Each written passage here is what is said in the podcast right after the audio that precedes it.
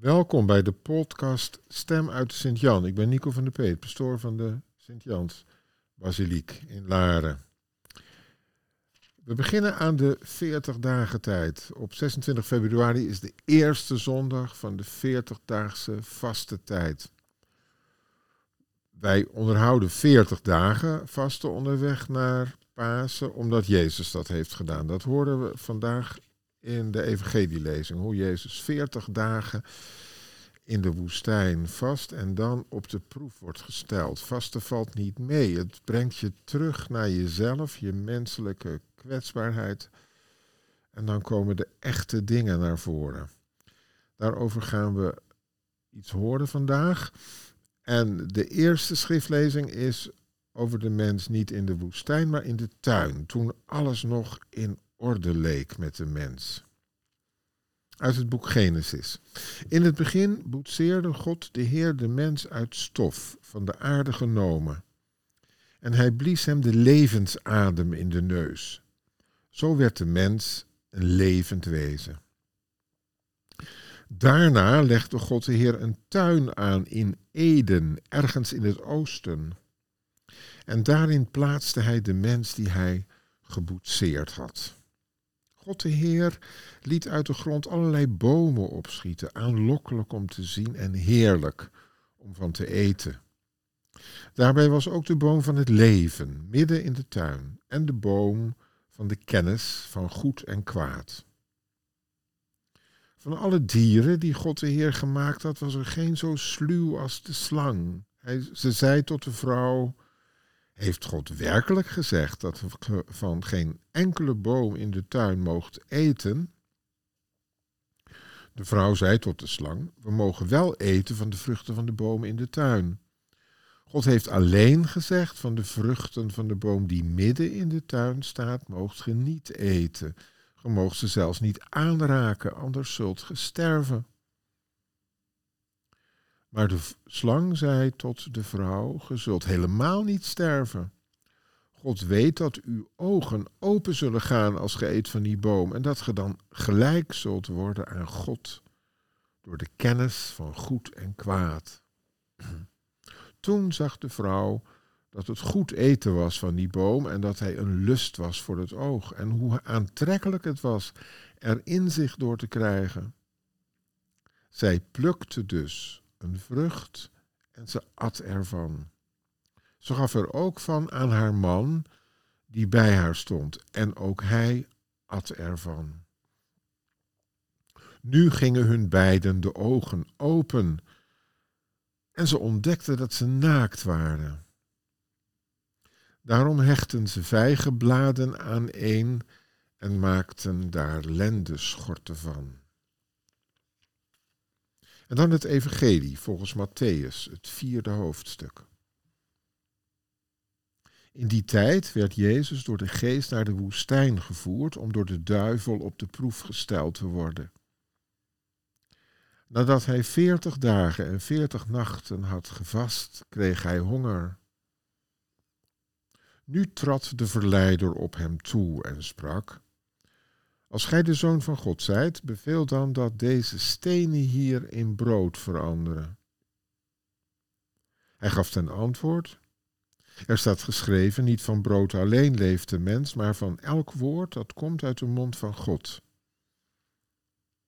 Vervolgens nam de duivel hem mee naar de heilige stad, plaatste hem op de bovenbouw van een tempelpoort en sprak tot hem: Als gij de zoon van God zijt, werp u dan naar beneden want er staat geschreven: Aan zijn engelen zal hij omtrent u een bevel geven dat ze u op de handen nemen, opdat ge uw voet niet zult stoten aan een steen. Jezus zei tot hem: Er staat ook geschreven: Ge zult de Heer uw God niet op de proef stellen. Ten slotte nam de duivel hem mee naar een heel hoge berg van waar hij hem alle koninkrijken der wereld toonde in hun heerlijkheid. En hij zei, dat alles zal ik u geven als ge in aanbidding voor mij neervalt. Toen zei Jezus hem, weg, Satan.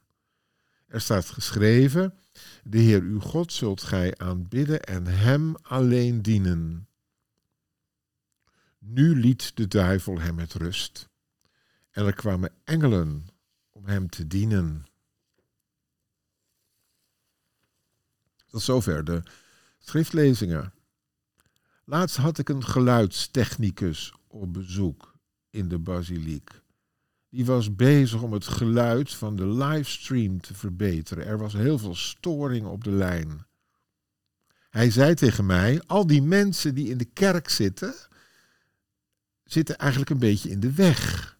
Ze zijn net waterzakken en houden het wifi-signaal tegen. Overigens zijn die problemen gelukkig inmiddels opgelost, vooral dankzij onze misdienaar Matteo. Ja, zo kun je ook naar de mens kijken. Vandaag beginnen we helemaal bij af. Als een kundig boetseerder vormt God de mens en blaast hem de levensadem in de neus. Zo werd de mens een levend wezen. We zijn meer dan een waterzak. Overigens wordt wel vaker zo over de mens gesproken als een soort apparaat met ons kloppend hart als motor. Gelukkig is er meer, levensadem. Die komt van God, lezen we vandaag. We zijn niet helemaal van onszelf. Op als woensdag, afgelopen woensdag, was er vooral aandacht voor onze stoffelijkheid. Gedenk, o mens, dat je stof bent en tot stof zult wederkeren. Van die woorden die ik dan eindeloos moet herhalen bij ieder van u die komt voor een askruisje, van die woorden word je niet heel vrolijk. Het wordt dus bij het askruisje gezegd om ons eraan te herinneren dat het leven zonder God en zijn geest niet lukt, leeg is, betekenisloos, alleen maar stof en as. Wij zijn niet alleen stof, we zijn gewild, geboetseerd door God, vertelt de Bijbel. We zijn niet God, we staan niet boven God, we zijn geschapen naar het beeld van God. Dat moeten we niet vergeten, anders gaan we heel verkeerd denken over de mens en gevaarlijk handelen. God legt een tuin aan en daarin plaatst hij de mens. Een tuin.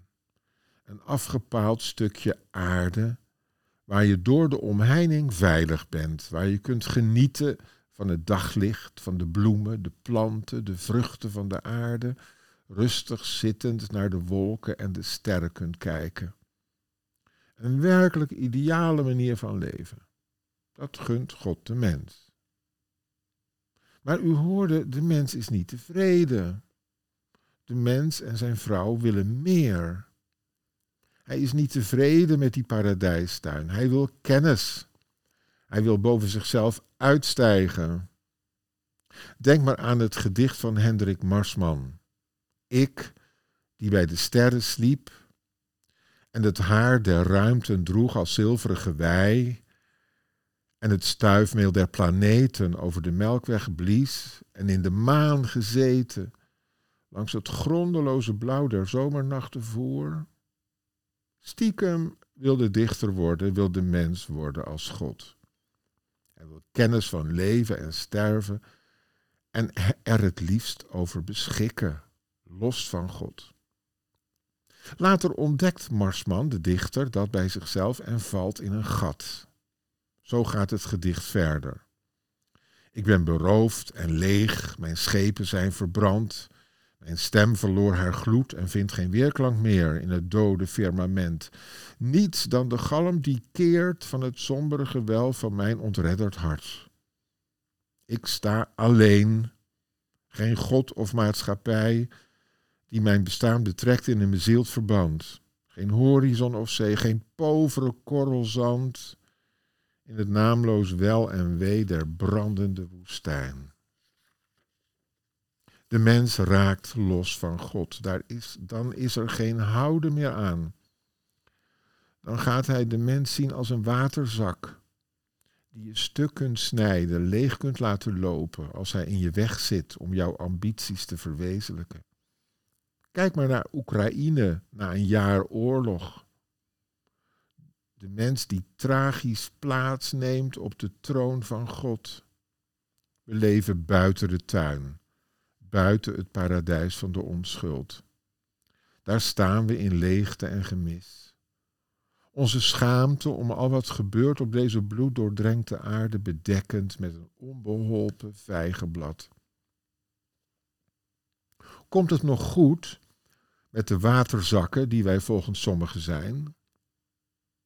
Of krijgt het wifi-signaal van God nog een kans om ons aan te raken, een boodschap van verlossing over te brengen? Herontdekken wij onszelf, vinden wij onszelf opnieuw uit als vrij geboetseerde wezens waarin God de levensadem blaast? Kunnen we daarvoor weer gevoelig worden? Dat we meer zijn dan stof dat tot stof zal wederkeren? Daarvoor is deze 40 dagen tijd. Vandaag op de eerste zondag verplaatsen wij ons van de tuin, het paradijs, naar de woestijn. Jezus is ons voorgegaan.